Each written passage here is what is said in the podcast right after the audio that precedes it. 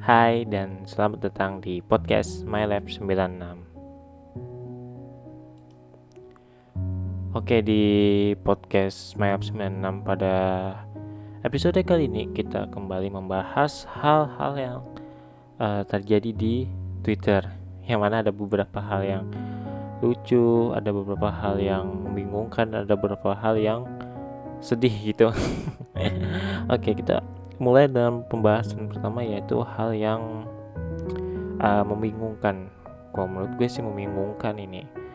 Tapi entah bagi para pendengar ya di podcast PM96 ini menurut kalian gimana gitu ya.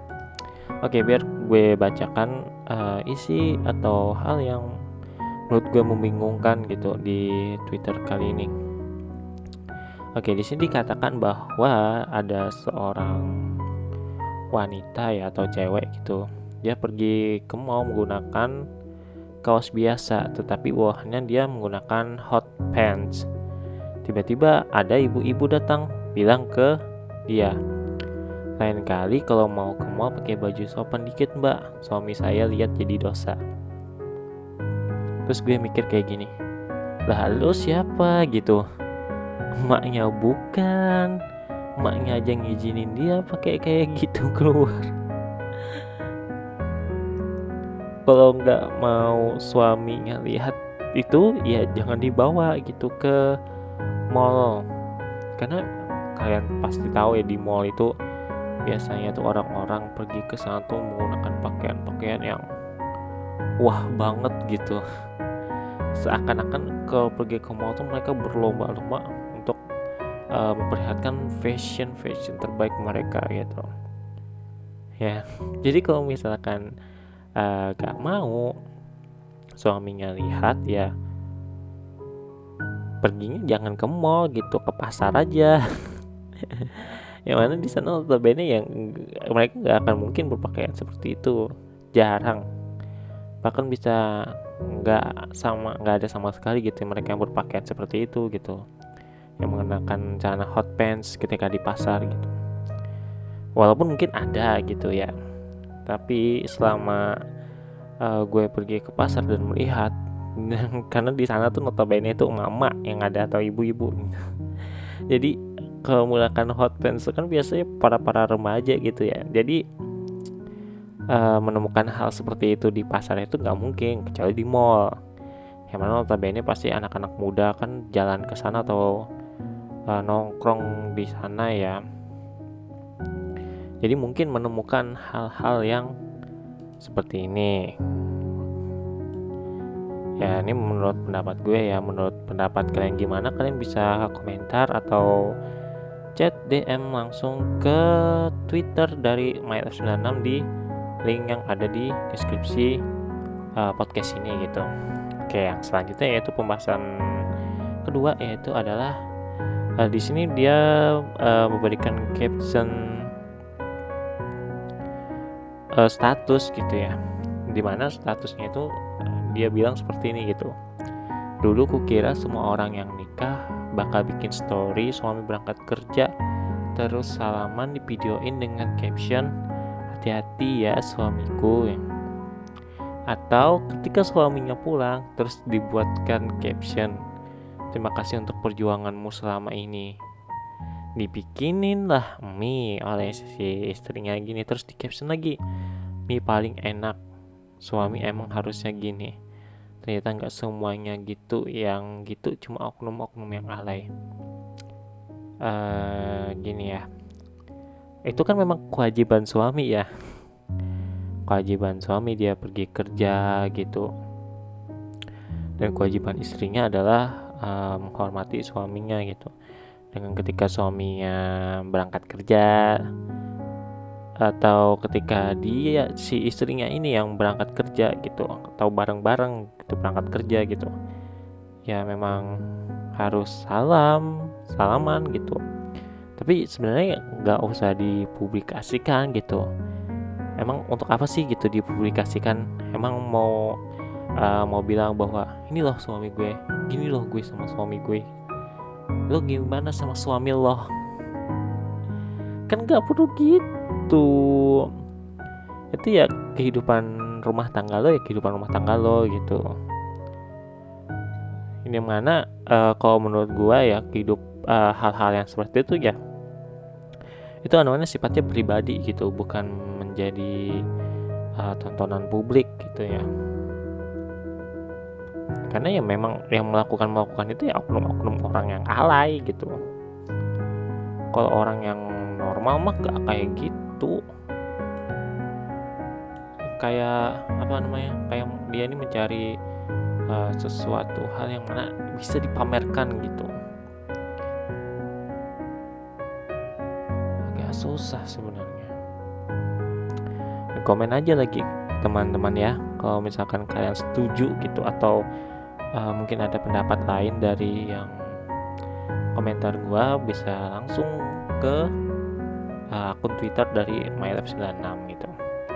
Oke, dan selanjutnya yaitu adalah uh, tentang perdana menteri India ya yang pergi menuju ke Masjid Istiqlal. Nah, di sana dia sedang menabuh beduk. Nah, di caption uh, di caption Twitternya itu dikatakan bahwa andai kau tahu yang kau pukul itu apa. Nah, menurut teman-teman apa itu sih? Apa sih yang dipukulnya? Yang pada tahu itu yang dipukulnya yaitu adalah kulit sapi. Kenapa ini uh, kalau menurut gue ini lucu ya? Kenapa? karena di India sendiri kan bah hewan uh, sapi itu kan mereka diagungkan gitu ya. Dipuja-puja dalam agama atau kepercayaan Hindu yang ada di India gitu. Apalagi dengan uh, sapi betina gitu. Dikatakan bahwa kalau misalkan sapi betina itu adalah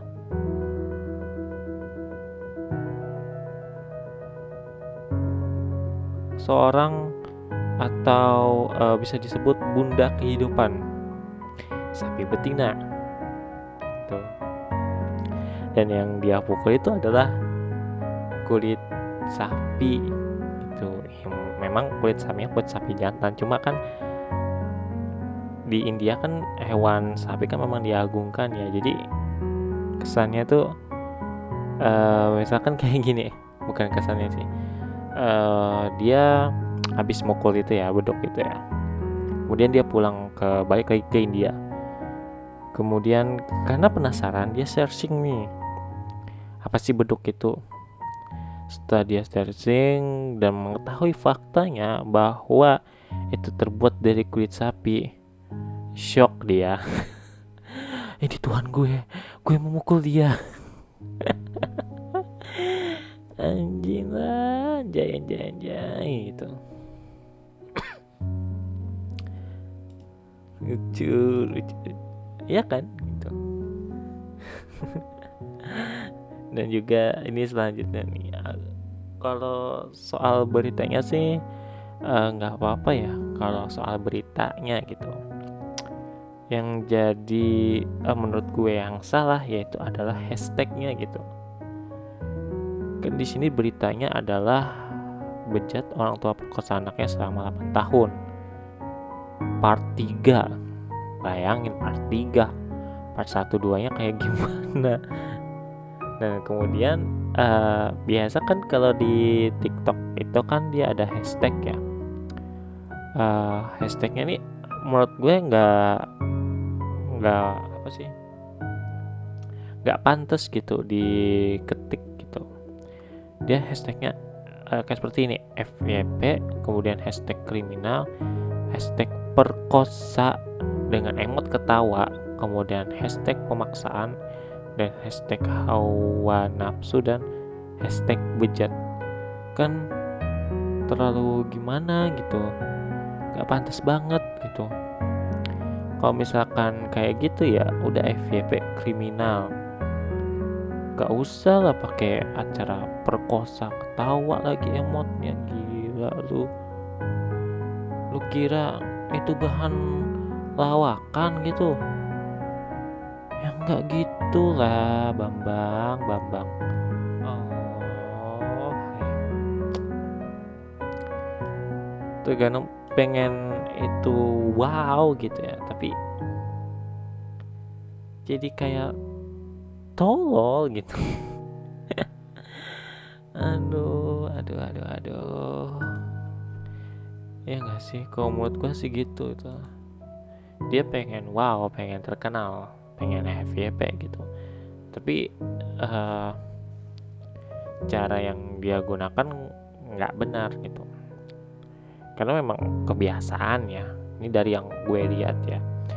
Ini menurut pandangan gue gitu. Kalian bisa sependapat bisa juga enggak gitu. Di mana kalau menurut gue itu uh, di negara kita ini untuk menjadi terkenal itu yang pertama melakukan hal yang aneh-aneh ya. Yang kedua melakukan hal yang gila. Yang keempat eh yang keempat lagi. Yang ketiga adalah uh, merendahkan harga diri orang lain ya. Dan lain-lain. Banyak hal yang uh, dilakukan supaya menjadi terkenal gitu. Tapi jalurnya yang salah gitu. Kalau mau terkenal ya sebenarnya ya harus berprestasi gitu harus uh, membuat inovasi atau apa gitu. Memang memang seben cepet banget terkenalnya itu cepet banget gitu. Uh, misalkan hari ini lo upload video tentang lo sedang contohnya kayak kasus yang dulu si Paleka siapa itu yang membagi sembako? Ternyata isinya sampah sama bencong-bencong. Kan besoknya dia langsung viral gitu langsung terkenal videonya di upload beberapa kali di Twitter sempat pas itu kan. Dan memang terkenal banget gitu. Sampai akhirnya hilang tidak ada lagi gitu kabar beritanya gitu karena apa yang cepat naik dia bakal cepet juga turun. Jadi lo ada prosesnya gitu ya. Proses untuk uh, mencapai uh, uh, terkenalnya lo atau proses lo mencapai kesuksesannya lo, lo bakal lama gitu turunnya. Atau bahkan nggak turun sama sekali gitu. Stabil. Berada di posisi itu. Nah dan uh, selanjutnya yaitu adalah uh, tentang warga yang membongkar atau membubarkan uh, kegiatan vaksinasi gitu. Uh, di Indonesia sendiri itu kan vaksinasi itu memang rencananya memang 100% di Indonesia bahkan memang ada beberapa pihak atau oknum yang nggak mau divaksin karena beberapa alasan dan ya memang kita juga nggak bisa memaksakan gitu. Tapi kalau misalkan seperti itu kan dia itu kan nggak dipaksa ya orang ini ya orang-orang yang menghancurkan ini atau mengacak-acak lokasinya itu ya. Kan mereka nggak dipaksa gitu untuk datang ke situ gitu. Yang datang untuk vaksinasi dia orang-orang yang memang sudah terdaftar gitu. Kok ya tega-teganya gitu mereka datang kemudian menghancurkan atau mengacak-acak lokasinya gitu. Salah mereka apa gitu. Mereka yang oknum-oknum uh, kesehatan ini yang melaksanakan vaksinasi itu kan dia uh, tidak ada paksaan gitu dengan warga sekitar gitu. Kok malah dibongkar malah diacak-acak kayak gitu lokasinya kasihan orang yang datang mau vaksin. Eh ternyata lokasinya sudah diacak-acak kayak gitu. Aduh aduh. Ya kalau nggak mau ya udah gitu nggak usah. Memang nggak dipaksakan gitu. Tapi ya memang ada supaya merata ya vaksinasi itu memang pemerintah ini lakukan berbagai macam cara. Contohnya misalkan uh, ketika uh, si anak ini kan seberapa belakangan tahun ini selama mulai pandemi kan mereka uh, belajarnya online gitu ya. Nah, uh, dan selama pandemi ini juga mereka sudah merasa jenuh gitu.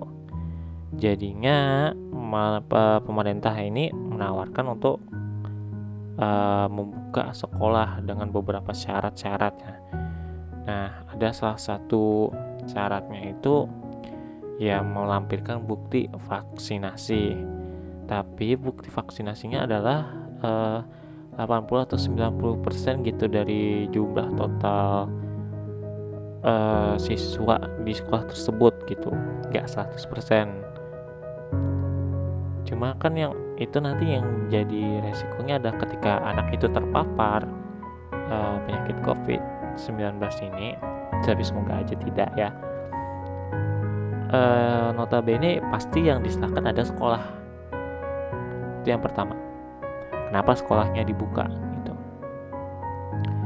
Kalau misalkan sekolahnya nggak dibuka kita masih penjalan online kenapa nggak dibuka-buka? Udah pusing saya ngajarin anak saya di rumah. Udah sering uh, mulut berbicara sampai sa sampai berbuih-buih untuk uh, mengatakan ke anak saya caranya uh, materinya seperti ini ini ini menjelaskan materinya seperti ini.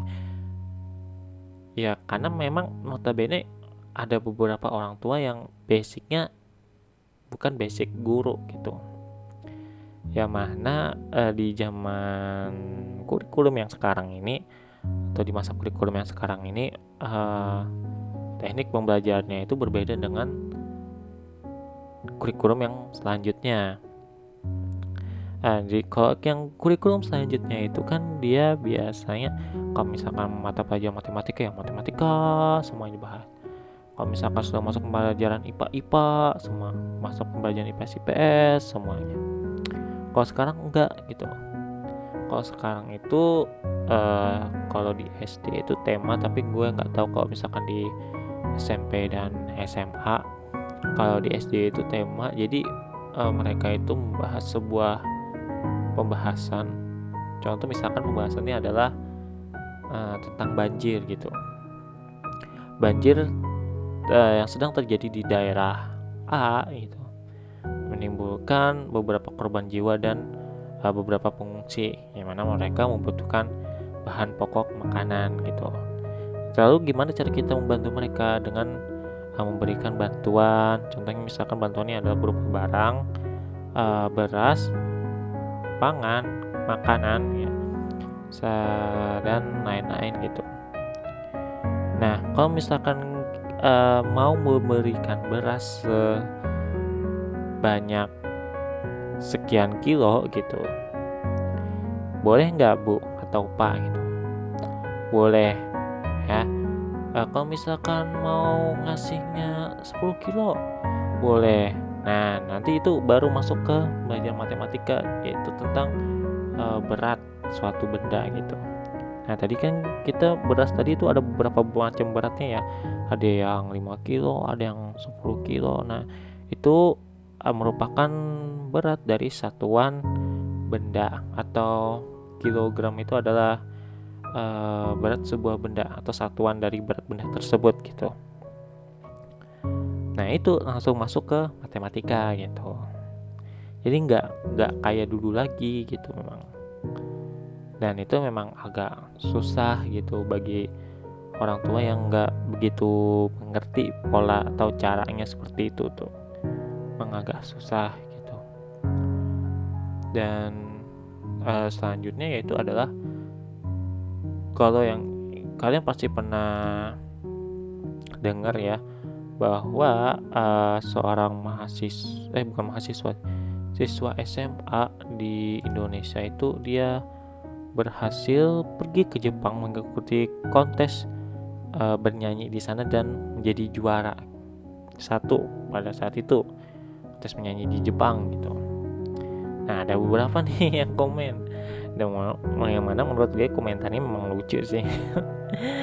yang pertama adalah komen dari siapa ini namanya?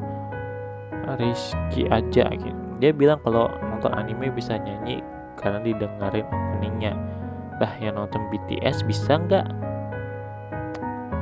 Selanjutnya ternyata wibu lebih berguna daripada K-popers yang nggak banggain apa-apa. Oke selanjutnya. Terbukti wibu adalah ras terkuat. Gini gue bukan berada di pihak wibu bukan juga berada di pihak uh, K-popers ya. Tapi ini adalah menurut pendapat gue gitu. Gimana kalau misalkan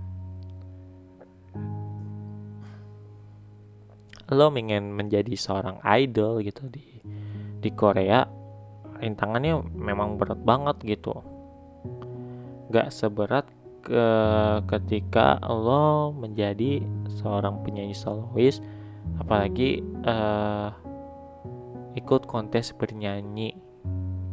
Itu nggak begitu sulit karena memang sudah ada panggungnya lo tinggal mengeluarkan bakat lo di situ dinilai gitu sama juri. Sedangkan kalau misalkan jadi uh, idol di Korea itu mereka ada prosesnya gitu. Dan setahu gue memang prosesnya tuh berat. Pertama dari proses audisi kemudian training uh, training berapa lama gitu ya sampai akhirnya nanti dia diterbitkan atau dimuncul didebutkan menjadi seorang idol gitu jadi nggak bisa disamakan gitu. Karena memang uh, di Korea itu mereka untuk soal musik tuh menjunjung tinggi banget gitu. Seni musiknya tuh. Makanya artis di Korea itu mereka memang dilatih benar-benar dibuat sematang-matangnya dengan latihan-latihan yang begitu ketat begitu lama.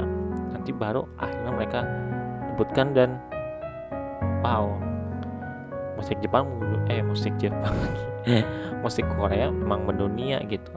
Siapa sih yang nggak kenal dengan uh, beberapa beberapa member dari anggota boyband dan girlfriend dari Korea itu gitu? Ya memang gue akui me memang faktanya seperti itu gitu. Dan juga tentang uh, pembahasan yaitu guru di Minahasa Utara dia dilantik menjadi uh, kepala sekolah tapi kepala sekolahnya fiktif dia mengaku malu. Fiktif itu berarti sekolahnya itu tidak ada kan ya? Nah terus dia menjadi kepala sekolah sekolah apa gitu? Sekolah jin. Atau sekolah sekolah gaib gitu ya ya kalau misalkan gak ada kan harusnya harusnya ada pihak tertentu yang mengecek gitu ke daerah tersebut atau lokasi tersebut mengenai sekolah itu. Masa sih daerah nggak ada melakukan supervisi kunjungan ke sekolah itu? Sampai bisa muncul sekolah fiktif itu. Ya kan biasanya dinas dinas terkait ya di kota itu dia uh, mengunjungi atau pergi ke beberapa sekolah atau memang sekolah di bawah naungannya dia, bawah tanggung jawabnya dia, dan itu memeriksa gitu, ada nggak sekolahnya ini, memang benar ada nggak, gitu. Karena sekarang kan datanya memang online gitu ya, jadi memang ada sebuah aplikasi yang dibuat pemerintah untuk uh, apa namanya menyimpan data-data dari uh, sekolah tersebut gitu. Dan ini dikatakan sekolahnya fiktif gitu. Menurut gue aneh aja gitu. Sampai bisa gitu. Aneh gak sih? Menurut kalian? Ya nanti komentar aja di bawah ya di link bawah ini. Nah kemudian pembahasan selanjutnya. Nah ini teman-teman pasti pernah melihatnya ya. Ketika pergi ke Indomaret eh astaga jangan sebut merek. Oke ketika uh, pergi ke tempat supermarket yang berwarna merah benda-benda seperti aduh pengaman itu kan diletakkan di depan kasir ya. Di depan kasir di dekat permen. Karena awalnya tuh pernah gue pada saat belanja di uh, supermarket warna merah itu gue melihat eh apa itu? Permen kah? Tapi kok gambarnya kayak gitu ya gambar itu gitu loh. Masa sih itu permen? Cuma menurut pendapat gue ya kalau yang benda-benda kayak gitu ya harusnya disimpannya di belakang kasir lah paling nggak. Jangan di depannya apalagi dekat dengan permen itu jangan. Kalian tahu sendiri kan kadang terkadang anak-anak itu uh, ketika wah aku mau permen aku mau permen ini dan tunjuknya itu aku mau permen itu. Itu bukan permen nah itu uh, pengaman atau pengunci. Ya kan? Bisa jadi gitu. Kita nggak menutup kemungkinan yang soal itu gitu. Dan juga sempat ada training ini di bagi kalian penggemar Naruto ya episode terbarunya memang memang sedih sih menurut gue. Eh, eh bukan Naruto ya Boruto episode barunya memang ah emosional lah kalau menurut gue. Sampai nangis gue melihat nonton episodenya ini. Uh, kenapa? Karena di episode ini akhirnya Naruto itu dia berpisah dengan Biju atau Kurama. Kurama itu adalah nama hewan berekor yang atau monster berekor yang berada di dalam tubuh Naruto. Nah, habis pertarungan dia melawan melawan siapa sih? Naruto itu kalau nggak salah ya bubuhan uh, Otsutsuki itulah kawan teman-temannya. Gue kurang tahu juga ya memang sedih sih scannya gitu ternyata uh, ketika ditanya sama Kurama kita masih ada satu cara gitu ya untuk mengalahkannya. Tapi cara ini beresiko dengan mengorbankan nyawa kamu sebagai taruhannya. Dan Naruto tanpa ragu-ragu dia mengatakan iya. Dan ternyata yang menjadi uh, apa namanya uh, apa sih itu yang menjadi bayaran atau dari kemampuan atau jurus yang Naruto dapatkan itu adalah nyawa dari Jinchurikinya ini si Kuramanya ini. Dan memang anuan skenya tuh bagus banget tuh. Kurama ceritanya dia seperti berasap-asap naik ke atas langit gitu menghilang. Sempat girl Naruto asli bener. Keren banget sumpah. Kalian wajib nonton sih itu episodenya. Dari Boruto. Oke mungkin uh, sekian dulu pembahasan dari gua. Kita berjumpa lagi di pembahasan selanjutnya and see you next time di podcast my absence di eh next time di podcast My Lab 96.